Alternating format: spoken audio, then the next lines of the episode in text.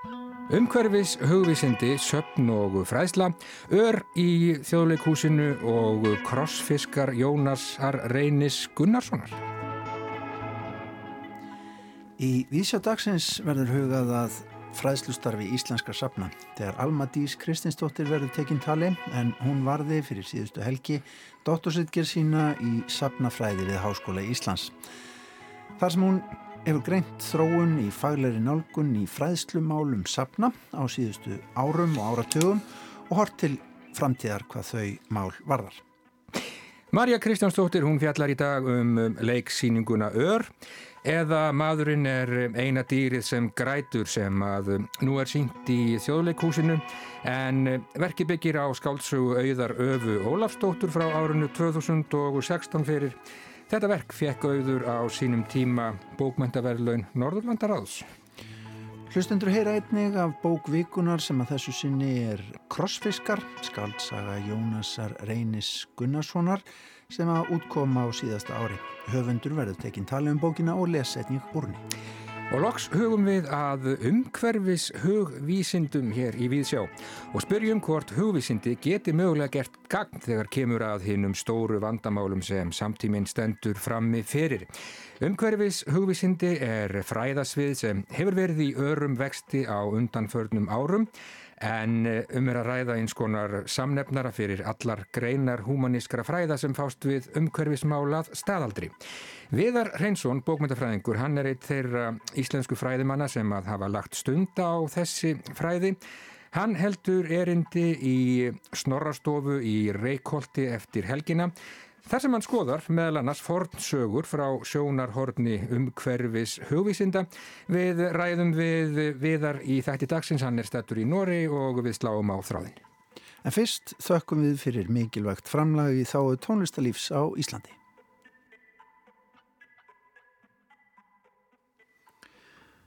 Í síðustu viku var greint frá því að píjánuleikarin og hljómsveitarstjórin Herritz Hál hefði andast á líknardeild landsbytalans eftir skamma sjúkdómslegu. Herrit var upphaflega frá Hollandi en hann um, tónlist sína bæði í Rotterdam, London og París.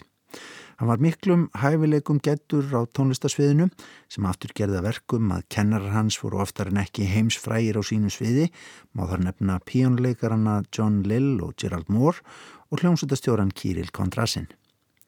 Sem Hljómsveitastjóri starfaði Herit í Amsterdam árum saman og stjórnaði hljómsveitum í Evrópu og Bandaríunum, auk þess sem hann helt sjálfur tónleika víða um heim. Það var árið 1993 að Herit flutti hingað upp til Íslands, eins og margur listamæðurinn í gegnum tíðina, þá var það Ástinn sem dróðan hingað, hann var þá í för með Jóni Þorstensvinni óperusöngvara. Herit Sál reyndist á næstu árum mikilvægur þáttandi í íslensku tónlistalífi og bar hingað með sér nýja ströyma, þekkingu, mentun, viðmið og reynslu. Hann var mikilvirkur í listalífinu og emdi til og skipulaði fjölmarka tónleika, var til dæmis duglegur í að hampa þeim sem vildu fóta sig á listasveðinu, sem auðvita er stundum hálft í fyrstu. Hann starfaði við Íslensku óperuna og kom fram sem stjórnandi með Symfóni hljómsut Íslands. Aug þess hafði hann milligöngu um að hingað kæmu merkir tónlistamenn að utan til tónleikahalds. Upptökurnar með leikans eru fjölmarkar til útgefnar en líka leynast þær í geimslum ríkisútasins. Og með þökk fyrir framlag Herrit Sál til tónlistalífsins á Íslandi þá skulum við fara aftur til ásins 2008 á tónleika sem hann stóð fyrir í kammermusik Röð og hann skipulaði í Garðabæ.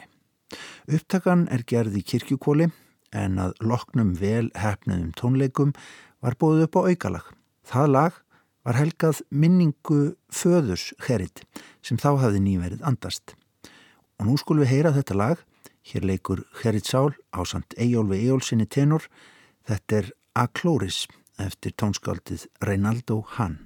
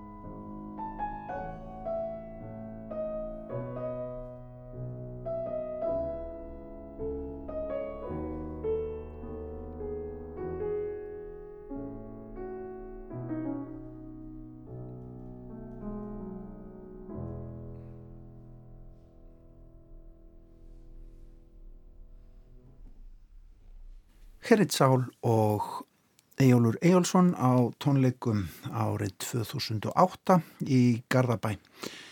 En við ætlum að huga að bókmyndum og nánar tiltekið að bókvikunar á rás 1. Já, bókvikunar að þessu sinni er skálsagan Krossfiskar eftir Jónas Reyni Gunnarsson. Bókin kom út árið 2018 og var önnur bók höfundar sem að einnig hefur sendt frá sér tvær ljóðabækur. Sagan segir frá Daniel, ungum manni millir stins og sleggju. Hann er atvinnuleus og ekki í skóla og skindilega vil fjöldi fólks verða honum að liði við að finna sér stað í veröldinni, ímist með hótunum eða lovorðum. Við heyrum höfund lesa brot úr bókinni og segja frá henni að því loknu. Við stóðum í Moldröggi í porti fyrir framann bílaverstaðið. Nær göttunni stóðu nokkrir opnir ruslagamar. Hvar var klest á bílinn? spurði bifilegvirkinn. Fyrir utan blokkina mína, svaraði ég. Ég myndi helst vilja að viðgerðarkostnaðin greitan út í stað þess að láta gera við skemmtina. Þetta er náttúrulega svo gammal bíl. Hvar á bílnum var klest á hann? Já, fyrir geð, hérna, saði ég og benti á afturhurðina farþegamegin. Bifilegvirkinn tók myndavél úr vasa á samfestingnum. Á meðan hann skoðaði skemmtina þóttist ég þurfa að svara í síman og gekkin á verstaðið. Ég tróð mér á milli bekja og verkfæra skápa og stegi yfir bretti, dekk og ólíubrúsa. Ég sá eftir að hafa rispað bílinn sjálfur. Þetta var eflust rétt hjá lauruglukonunni. Svona menn hlutu að hafa einstakt auga fyrir skemdum. Þegar ég stoppaði sá ég að ég var undir bílaliftunni. Á henni var takki og anþess að ráða við mig ímyndaði ég mér að bifvilavirkin geti stjórnað liftunni með fjärstyringu og að hann ítt á takkan og að ég kremdist undir bílnum sem var fyrir ofan mig. tuska lág á bekk við veggin. Hún var svört af tjöru og í drullinni glitraði á stálagnir. Þar fengum mig til að hugsa um kókosmjöl á blöytu kremi skúfuköku. Og á borðinu var græn gósflaska sem búið var að klippa stútin af. Hún myndi mig líka á barnaamali og þegar ég virti fyrir mér vökvan í henni, líklega var þetta smurolja, var ég þistur. Allir séu til dýr sem geta meldt svona eitur, hugsaði ég, en rökk svo við, því að síminn ringdi. Halló? Daniel? Já? Sæl, þetta er Tryggvi, ég skildi eftir skilabóð hjá þér. Hávært suð barst um verkstæðið. Það var dimmt. Dyrnar voru lokast. Ríkið í loftinu varð ósýnilegt í skugganum. Hvað viltu, spurði ég. Átti þetta að vera eitthvað grín, þessi skilabóð. Ég hraðaði mér í mótökuna. Þar var bifiljavirkin að tengja myndavilina við tölvuna. Nei, þetta er ekki grín. Ég lendi með fyrstu vél á miðgudaginn og held að það veri best að þú myndi sækja mig á flugullin. Hvað segir um það? Ég starði á bifiljavirkan. Ég vissi ekki hvernig ég ætti að svara þessari beðni í símanum. Þú ert líklega að ringja í vittlust númer. Nei, þetta er rétt númer. Ég hef fullvisað mig um það. En við getum rætt þetta betur þegar ég lendi. Heldur að viljur ekki renna eftir mér? Nei, saði ég og skellti á. Krossfiskar er önnur skaldsamin og hún fjallar um hann sem heitir Daniel sem er svona hættur að taka þátt í, í lífinu ákveðinu leiti, hann hættur að vinna hættur í skóla og mér finnst e, með bækur það sem að framvindan er kannski ekki raugleg eða svona á köplum ekki raugleg að það er svona tendans hjá manni alltaf að að leita ykkur um að horfa þær eins og kóða og, og leita eftir svörum. Í millilendingu sem var fyrir skaldsaða mín hún, framvindan í henni er heldur svona kannski, eða virðist vera allavega raugleira heldur enn þessari. Og já, þegar maður les svona bækur það sem maður kannski nýrkabli byrjar og maður áttar sig kannski ekki alveg strax á eða kannski bara alls ekki í hvað tímaröð hlutinir er að gerast. Kannski sóna persóna vaknar upp eitthvað staðar annar staðar og það eru svona kannski það eru hólur í frásunninni uh, og maður er kannski örlítið í lausulofti hluti af áhrifunum sem ég vildi ná fram með crossfiskum var að að lesandin standi frammi fyrir þessari þörf sinni að skilja hlutina og ljáðu merkingu og kannski að komast yfir þessa þörf.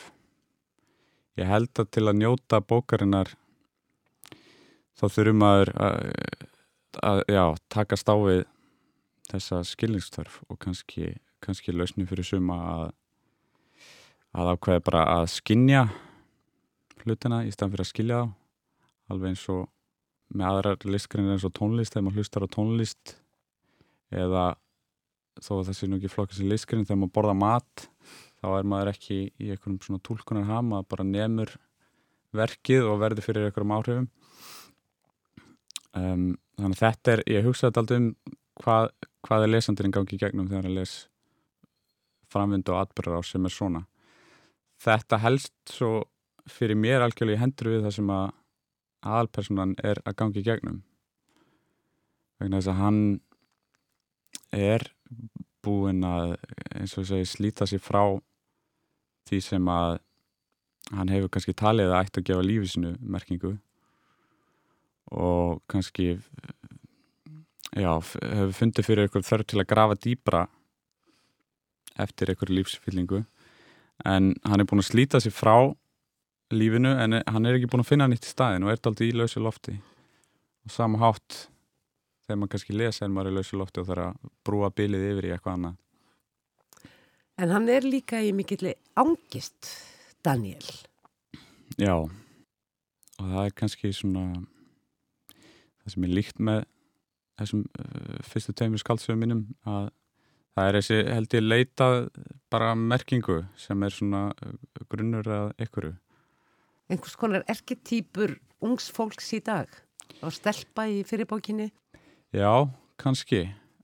En ég held að þessar krísur eigi sér alveg stað á öllum aldri sko. Öllum tímum. Öllum tímum líka. Já, það er kannski þetta að vera einhvern veginn sáttur í sjálfu sér og, og með eitthvað svona identity eða svona persónuleika sem að kannski fólk kannski á miðum aldrei eða fullori fólk þegar það missir eitthvað hlutverk sem það er haft allæfi kannski eins og vera fóreldri eða eins og starfa við eitthvað þá held ég að það standi fyrir fram, fram fyrir sama sem er leit sko. mm -hmm. Það eru mjög margar personur í þessari bók sem er stutt frekar hvernig kom þessi hersing sem er mjög sundurleitt til þín? Það eru allar verið allar til alveg frá byrjun Nei, það er góð spurning. Ég hef aldrei íhuga fjölda persóna í þessari bók.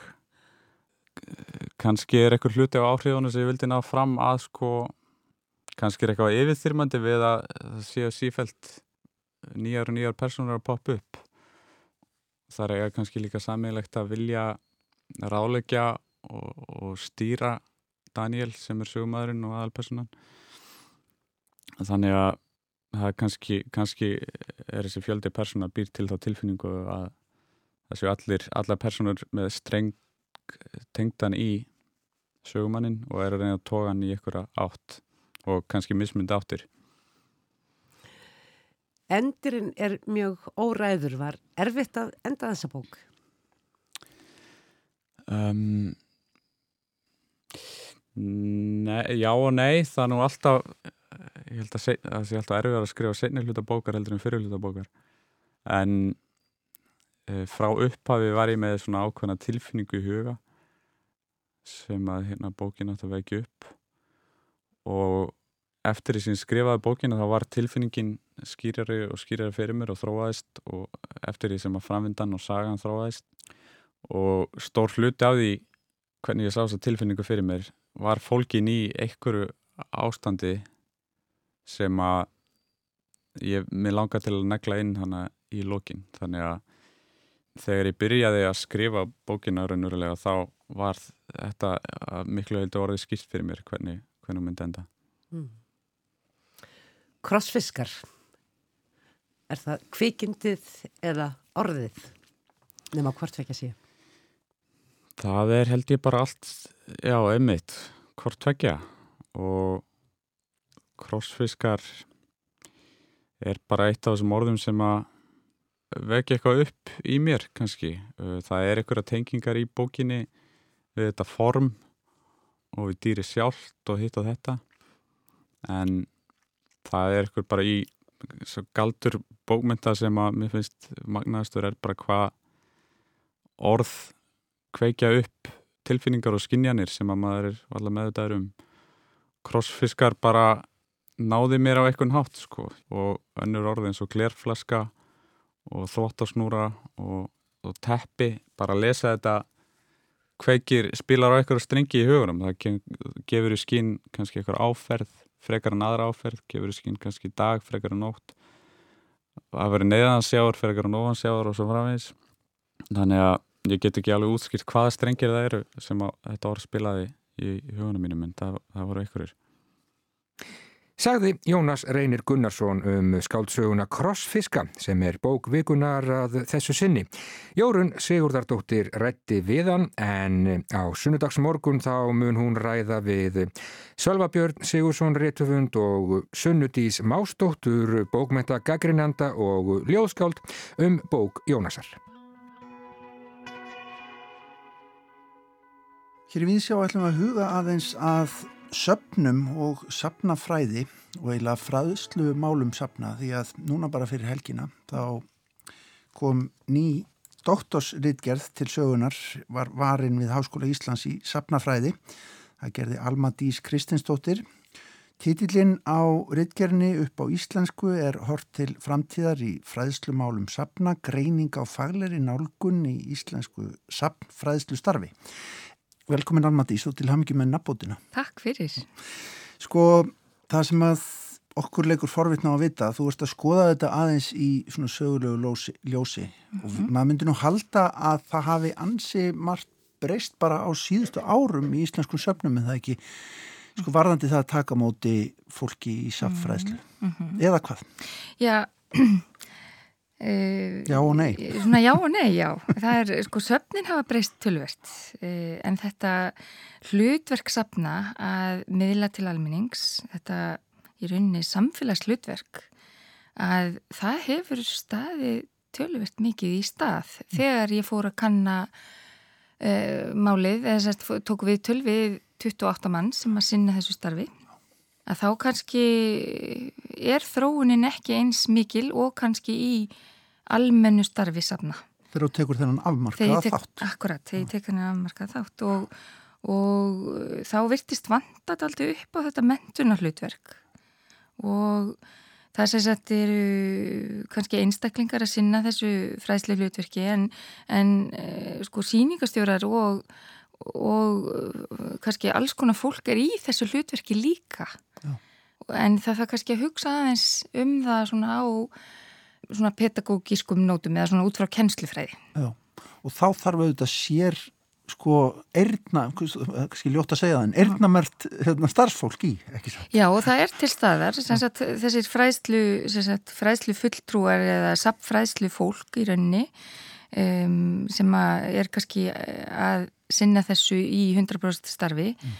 en það sem, það sem var alltaf áhugavert við Þegar eh, ég fór að ræða við þau var í rauninni hvað eru einangruð mm. og í rauninni svona daldi afskipt innan stofnunarinnar og að starfi hefur bara ekki þróast eins mikið og, og kannski vonistóðu tilum. Mm. Sko, að við kannski eh, sláum móð miklu förstu en er það þá það að kannski yfirstjórnin lætur þetta ekki sitt á hakanum mm en mhm. svona það, þetta er svona aðeins í, á jað, jaðar mm -hmm. á jæðrinum. Mm -hmm. Gæti verið. Það er sem sagt, ég skoðaði, ég var með þrjú tilving og e, til dæmis hérna, skoðaði ég þróum fræslu til þetta listasafs Reykjavíkur, e, daldi ítalega mm.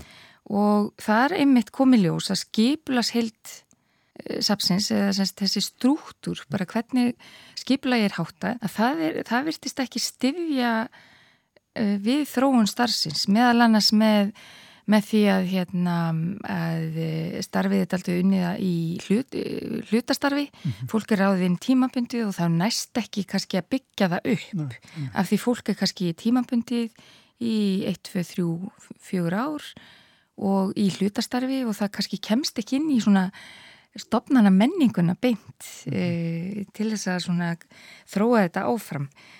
Og svo náttúrulega er þetta sko þessi sapnaheimur er náttúrulega frekar, frekar lítill hjá okkur mm -hmm. og, og uh, fólk kannski sko sækir frekar í það sem fær meiri aðtegli eða sækir í störf sem fær meiri aðtegli þannig að eina neðustöðunum úr rannsóknum minni var einmitt að fræðslistarfið er stundur nota sem stökkpallur í önnu störf já, já. En þú skoðar, er það ekki á sko, daldur langt svið og bakka mm -hmm. með okkur aftur mm -hmm. og færð 35 árum aftur í, í hérna, þinni rannsó. Akkurat, já, ég skoðaði sem sagt eh, hérna fræðisviðið og í rauninni sko fræðslu hlutverki hefur alltaf verið til staðar, mm -hmm. alveg, alveg eh, frá því að söpn eh, voru til mhm. og mér er að segja músurnar hér, músurnar sem að sem sagt, söpnin eiga, eiga napsitt að reykja til, til sem sagt The Temple of the Muses er það kallað akkurat. og hérna grísku gyðjurnar. akkurat sem að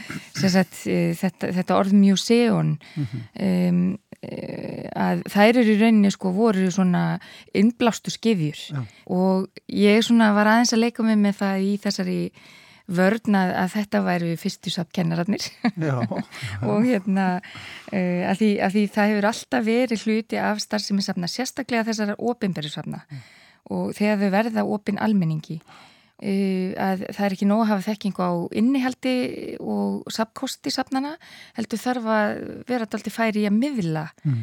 uh, miðlunum og semst það er ekki nóg að vera sakfræðingur eða listfræðingur eða, eða náttru náttúruvísinda sérfræðingur eða sagt, ef, ef við tökum bara þessi hefbunnu, þessa hefbunnu skiptingu sapna, listasöfn, minnjasöfn eða náttúruminjasöfn mm. Heldur þarf að, að, að, að miðlæsu þannig að almenningu skilja þetta eru almenningsstofnarnir mm -hmm. og e, þessi, það eru til ímis svona kennsli, kennslifræðileg módel mm. sem er bara hreinlega, það var ákveðin þögn um þau í rannsókninni Sérst, þegar ég var að taka viðtöl að þá komu þau í rauninni aldrei uh, upp á yfirborðið e, nema bara mjög litlu leiti mm.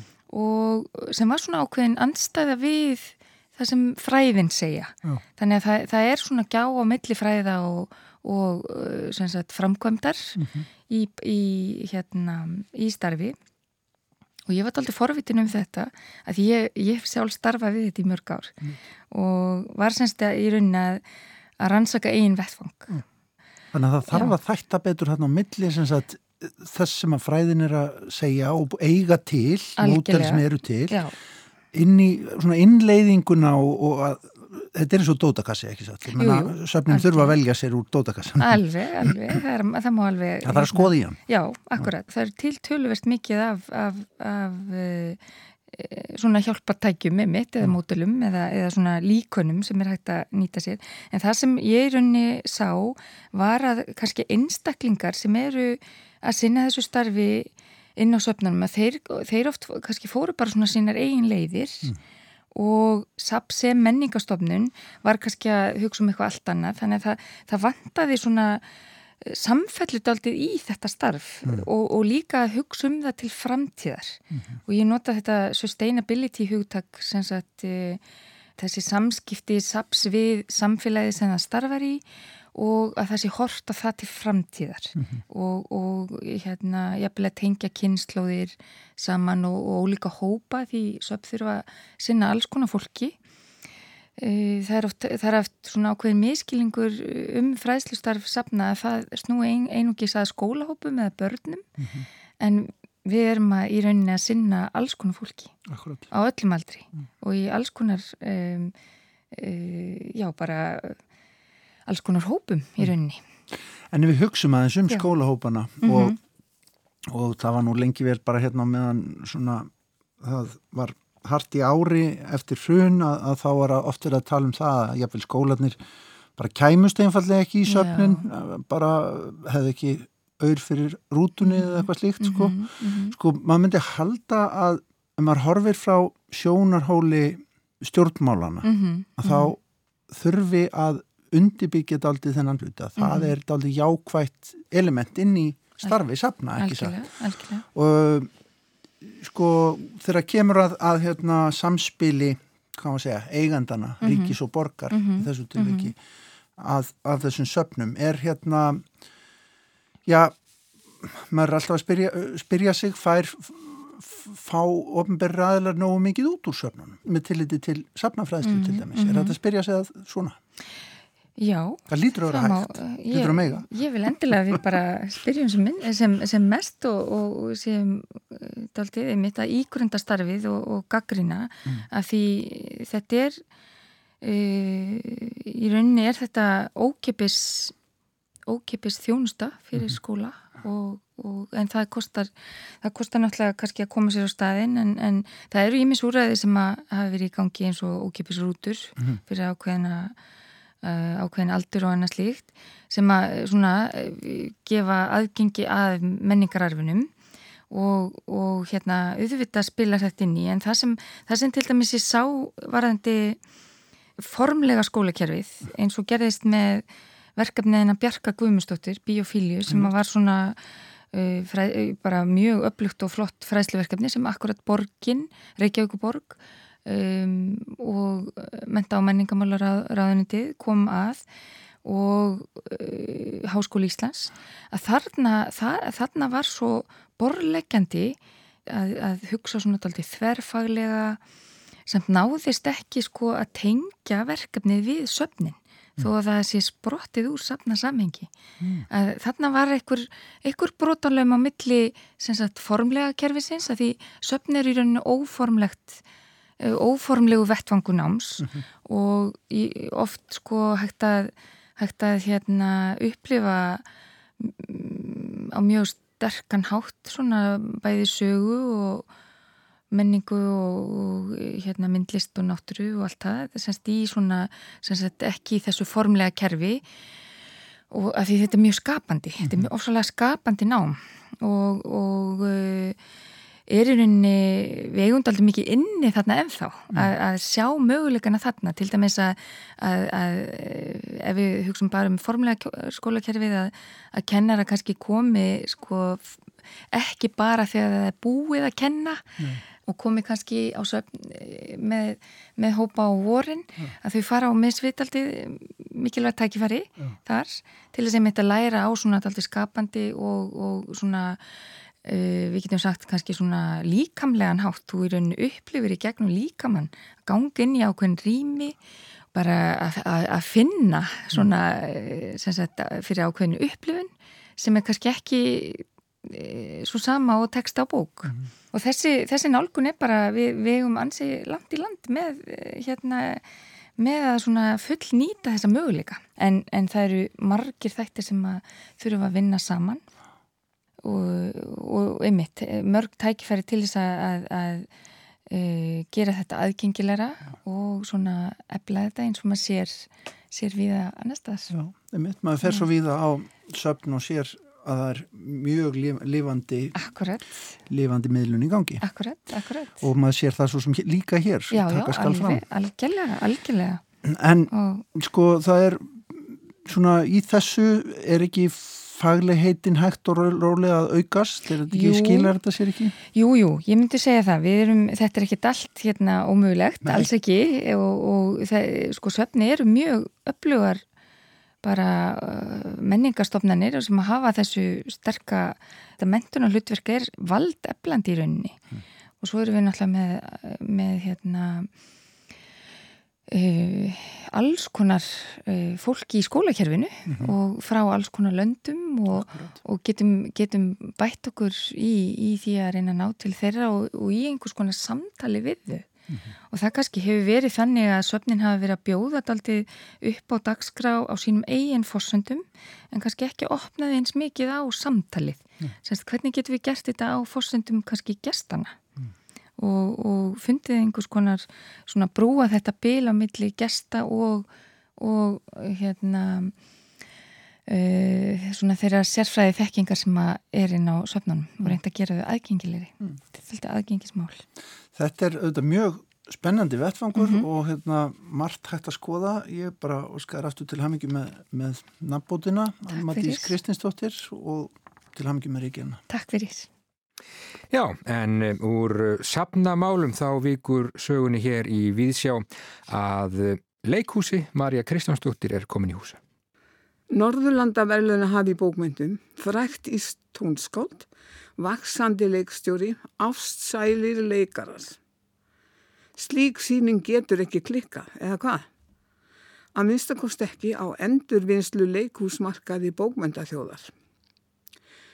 Ör, eða maðurinn er eina dýri sem grætur, heitir Berkir eftir auði Öfu Ólafstóttur og var frumsynd í kassanum í þjólikúsinu síðastliðin 50 dag. Uppkasta þessu leikverki skrifaði auður af á undan meðlennarsögu sinni örð en dróða aftur upp úr skuffa á síðast ári og endur vann. Það er að sjálfsögðu ekki klassísk drama. Aðal personan er eins og í skaldsögunni húsgagnaframleðandin Jónas Ebenezer. Um þann hrjáða tilfinninga hefta mann snýst allt verkið og laust hans undan þjáningum. Engin önnu persona í verkinu á sér sjálfstæðan tilgang Þó leikstjóranum Ólafi Agli Egilsinni takist að gera þrýhöfða þursa Pálma Gerssonar að sterkri gamansamri mótkverfu við Jónas Ebenezer og bjarga því að lokverksins kapni í banaríteti.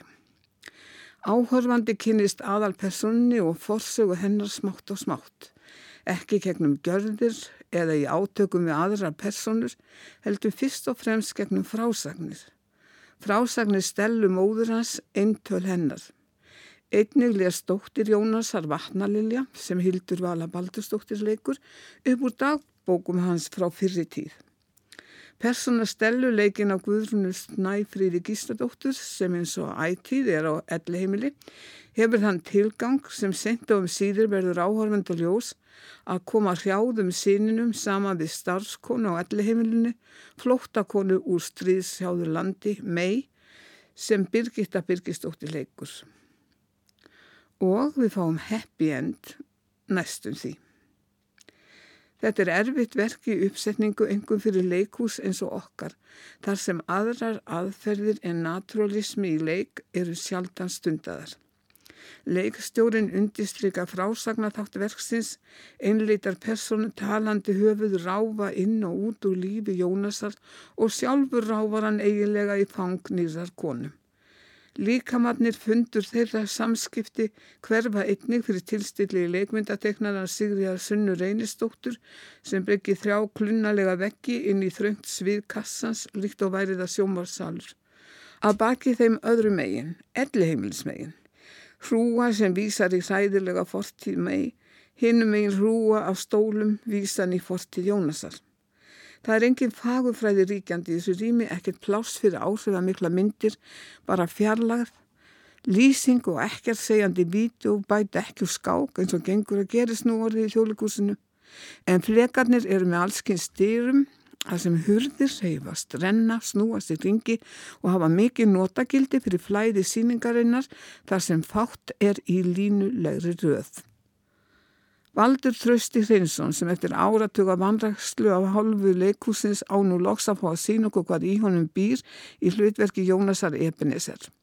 Hann byrjar glæsilega í langri þögulli senu í samvistu með morgun leikuminn á rás eitt og lýsir vel einsemt manns vannmætti, ansmannist tilröninni til að segja skili við fortíðana ákveða hvernig hann eigi að koma spurt en svo gerst honum ekki kostur á að þróa personuna áfram, sína á henni aðra hliðar fyrir henn undir blá lokin að hann ratar í fang mei eins og í hverri annari sápuópera. Og vel á minnst sápuópera. Ég held að auður afa hafi frekar átt að endurvinna uppkastið fyrir sjónvarp. Það minnir óneitanlega nokkuð í byggingu á ymsa bandariska gamanþætti þar sem personur eru sífælt að skjóta upp kollinum í stofunni hjá aðalpersonum. Auk þessum nærmyndir hefðu þar kannski geta undirbyggt þá gáleisislegu yfirlýsingu hennar í leikskrá að gæsalappir opnast á meðan skálsaga er upptekinn af réttum hlutföllum stóra og smára atbyrða snýst text í leikrið slíkt á ljóðið um undirteksta. Það má orða það svo að fólk tali um það sem það talar ekki um. Stóru stríðin far ekki fram á výgvellinum heldur í sálalífi persóna. Gæsa lappir lokast. Gá leysislegt er þetta, gagvart leikúsi og gagvart stríðsrjáðum löndum. Ólafur Egil Egilson hefur verið vaksandi leikstjóri og ímislegt skemmtilegt er að finna í vinnu hans við örið. En nú þarf hann að komast burt úr þrengslunum hérna, velja lengi í miðafrópu, eblast að kunnáttu einhver myndrætni og vika sjóndeildaringin. Saði Marja Kristjánsdóttir um ör síningu í þjóðlikursinu. En þá hugum við að hugvísindum og umhverfismálum. Geta hugvísindi lagt eitthvað af mörgum á sviði umhverfismála, geta hugvísindi með aðferðum sínum og kenningum gert raunverulegt gagn svo ég orði það dálítið glannarlega. Húvísindi gera auðvitað mikið gagn en eh, geta þau og aðferðir þeirra skipt máli þegar Glimti er við stóru málinn í samtímanum. Umhverfis hugvísindi er fræðasvið sem hefur verið í örum vexti á undanförnum árum. Í þrengstaskilningi má líta á þetta svið sem samnefnara fyrir allar greinar humanískra fræða sem fást við umkörfismál með einhverjum hætti að staðaldri. Og já, þar líta menn svo á að rót helstu umhverfis vandamála nú megi að stórum hluta rekja til mannsins og að mörg alvarlegustu áhrif þeirra stedji jafnframt að honum sjálfum. Það sé því einfallega ekki hægt að takast á við slík mál á árangurs ríkan hátt Án þeirrar eh, fjölbreyttu þekkingar og færni sem humanísk fræði hugvísindi búa yfir. Kenningar og aðferðir hugvísindana geti því skipt hér miklu máli. umhverfis hugvísindin, þau eru auðvitað komin til Íslands og eitt þeirra íslensku fræðimanna sem hafa lagt stund á þessi fræði er Viðar Reynsson, bókmyndafræðingur og sérfræðingur við Náttúruminjasafn Íslands og stopnun Vilhjálms Stefánssonar. Hann ætlar á næstunni að flytja í Snorrastofu í Reykjóldi erindi til minningar um Snorra Sturluson sjálfan sem hann nefnir náttúrulegs sagnarleist eða levandi gróður og lífrænir ávextir. Þar sem hann ætlar meðal annars að viðra leiðir til að kanna fornsögur sem lífrænar menningarafurðir með stuðningi vist ríni, fornrar, náttúru sínar og nýrar tekstafræði meira um það síðar. Viðar Hreinsson, hann er á línunni frá Norri, komdu sæl og blessaður. Sæl og blessaður. Sko, kannski aðeins bara fyrst um þessi, þessi vísindi, umhverfis hugvísindi, hvað er hér nákvæmlega á ferðinni og Já, hversu merkileg og, og mögulega mikilvæg er þessi fræði hér og nú? Þau eru eiginlega bara allt, sko. Því að, hérna, því að umhverfið, náttúrulega okkar umhverfið, það er náttúrulega allt um líkjandi og, og næri yfir allt og, og umhverfis hugvísindi snúast á svolítið um að, að nálgast, já, svona allt þetta menningarlega, mannlega, bókmæntalega, mm -hmm. sögulega út frá svona þeim sjónarhóli sko sem að getur semst verið afskaplega víður Já. og uh, umhverfisauðustin eru mikilvæg vegna þess að uh, svona lausnir, húsanlega lausnir á, á umhverfisvandanum ekki bara lofslagsvandanum heldur líka bara hérna vistkerfunum og, og hérna og uh, svona afnótkunn á, á náttúruöðlundum og þess að það er að, að þetta er náttúrulega allt saman, þetta á allt saman að rætur í, í hérna, hugafæri, hugsun, menningu og þess og þess að eru lausnindar á þessu ekkit endilega tæknilega. Sko. Nei, einmitt. Það þarf að seila svo djúft nýður í, í hérna, hugafæri, hugsun og þess aftur. Sko. Já, eh, maðurinn hefur náttúrulega haft sitt að, að segja í þessu öllu saman og hugvísindi þau þau snúast auðvitað um, um mannin en menn hafa verið ekki sett að spyrja á, á undanförnum árum hvað hvað hugvísindi geti uh, lagt á mörgum á sviði, já, til dæmis umhverfismála. Svona í fljótu bræði þá myndir maður kannski freistast til að svara hreint ekki neitt, en það er ekki svo, eða hvað?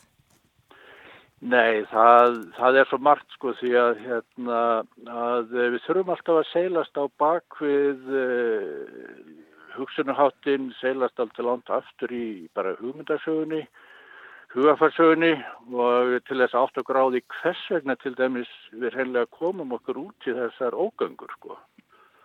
Og það er náttúrulega alltaf floknar og margættar skýringar á því en, en hérna, það, er, það er nú eitt hugtak til dæmis sem er mikið nota núna sem er ennsku er anthroposín og hefur verið kallað mannveld á, mm -hmm.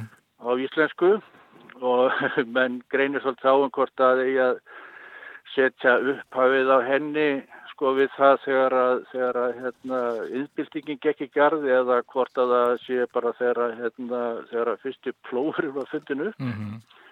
Sem þetta spurningin um, um áhrif manneskunar á, á umhverfið og, og þetta er þetta er jarðsöguleg hugmynd sem sagt að, að núna séu áhrif mannsins orðin jarðsöguleg og þess vegna var komið upp með þetta hugtak anthroposín Svo er annað fræðimæður til dæmis uh, sem heitir Jason Moore sem að, sem að hefur, uh, hefur komið hugtækið hérna, kapitalosín, sem sagt bara fjármagtsöldin.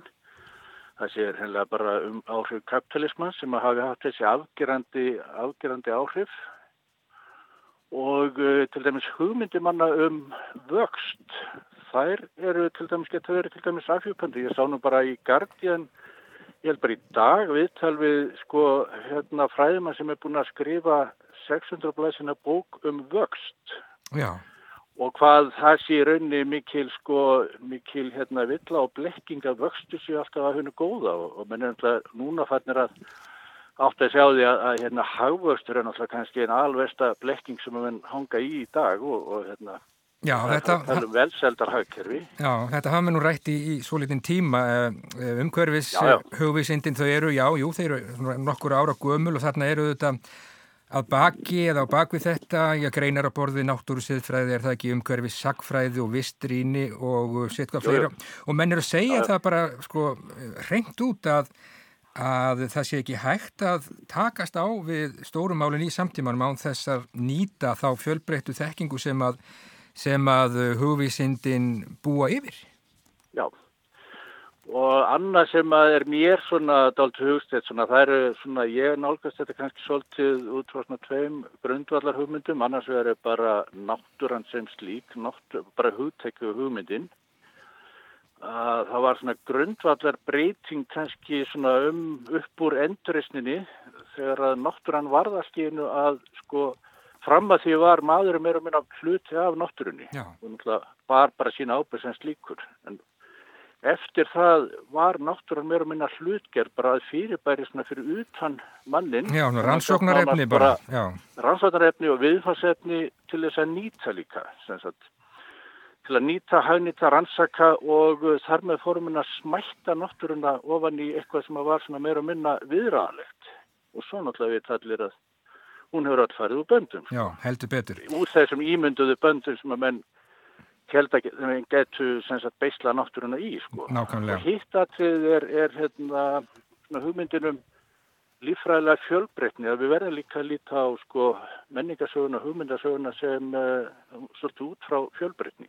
Já, einmitt. Og þó að menn tala um að nútíminn sé voðalega fjölbreyttur, litrikur og skemmtilegur að, að hérna, þá er hann það kannski ekkit endilega sérstaklega því að það er í rauninni allt saman mælt á einhvers konar hagkvæmni mælikvarða sko, sem Já. er náttúrulega óskaplega smettandi. Frá þröngu sjónarhorni, en eh, já, þú skrifar mér í orðsendingu sem að barst í morgun að það sé hægt að til dæmis að skoða allan fjandan í fornbókmyndum út frá út frá þessum umhverfis hugvísindum þú ert að fara að halda erindi eh, í Snorastofu í Reykjóldi, erindi sem að heitir hvorki meira enn minna en náttúrulegs sagnarlist eða lifandi gróður og lífrænir ávextir þar sem að þú ætlar meðal annars Svo ég vitni nú bara í fréttatilkynningu með leifi fórseta í erindinu verða viðraðar leiðir til að kanna fornsögur sem lífrænar menningar afurðir með stuðningi vistríni, fornrar, náttúrusínar og nýrar tekstafræði. Uh, fornsögur og uh, já, umhverfis hugvísindi segðu mér og hlustandum frá.